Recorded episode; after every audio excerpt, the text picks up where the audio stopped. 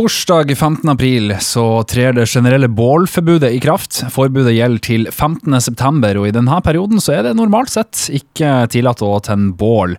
Eh, administrerende direktør eh, Rolf Søtorp i Brannvernforeninga først. Bålforbud. Det er vel noen unntak her hvor det er lov å brenne bål allikevel, er det ikke det? Ja, det er sånn at For noen år siden så ble det åpna opp for at man kan gjøre selvstendige vurderinger eh, avhengig av hvor stor brannfaren er der du befinner deg. Eh, sånn at eh, det her er jo et tillitsvotum egentlig til alle oss som, som, ferdes i skog og mark. At der vi ser at det er snø eller at det er helt eh, åpenbart ikke fare for brann, eh, så kan man da likevel tenne seg et kaffebål. Eh, hvorfor, og hvor viktig er det med et bålforbud i Norge? Det er veldig viktig. Vi husker alle sammen sommeren 2018 hvor at brannvesenet hadde enorme utfordringer knytta til eh, skogbrann pga. at det var veldig veldig tørt over veldig lang tid. Eh, og vi har jo en del skogbranner hvert eh, eneste år. Som gjerne da hvor det viser seg at engangsgriller spiller en ganske stor rolle. De fleste som ferdes i naturen og som tenner seg et kaffebål, det, det er ofte vante tur- og naturfolk. da, og, og de fleste er jo det. Eh, så nå eh, når de åpner opp litt for at vi kan gjøre egne vurderinger, så eh, får vi vise oss tilliten verdig og, og passe på å ikke tenne bål der det er fare for spredning. Bål er jo for mange kos, ikke bare en varmekilde og, og, nydelig kjøkken. Hvordan kan man få lov til å brenne bål dersom det på en måte er fare for, for, for spredning?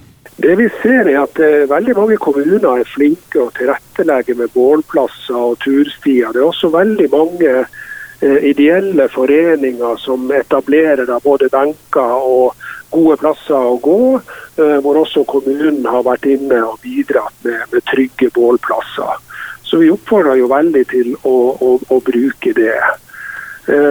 Ellers så, så bør, bør, man ta med seg varmt vann for å lage seg kaffe. og Det finnes masse flott turmat også i dag som man kan bare helle varmt vann oppi, og så har man et utmerket måltid. Mm. Så det er ikke alltid at man kan prioritere kosen og så, og så tenne seg et, et, bål. Det må man gjøre trygge og gode vurderinger på. Hvis man er på tur og, og er usikker, hva kan man gjøre da? Du kan jo selvfølgelig ringe brannvesenet og så høre hvordan eh, det står til eh, i marka. Det er jo sånn eh, indekser som viser hvor tørt det er. og den enkelte kommune kan jo også innføre totalforbud som strekker seg lenger enn det generelle forbudet. Eh, og Da er det ikke lov å tenne bål uansett. Så er man usikker, ta kontakt med kommunen. Er det noe annet man, eh, som er viktig å huske på dersom man skal lage bål i perioden fra april til september? Ja, det er jo sånn at, at, som man pleier å si, Hvis du er usikker, så er du ikke usikker. Da, da, da tenner man ikke bål.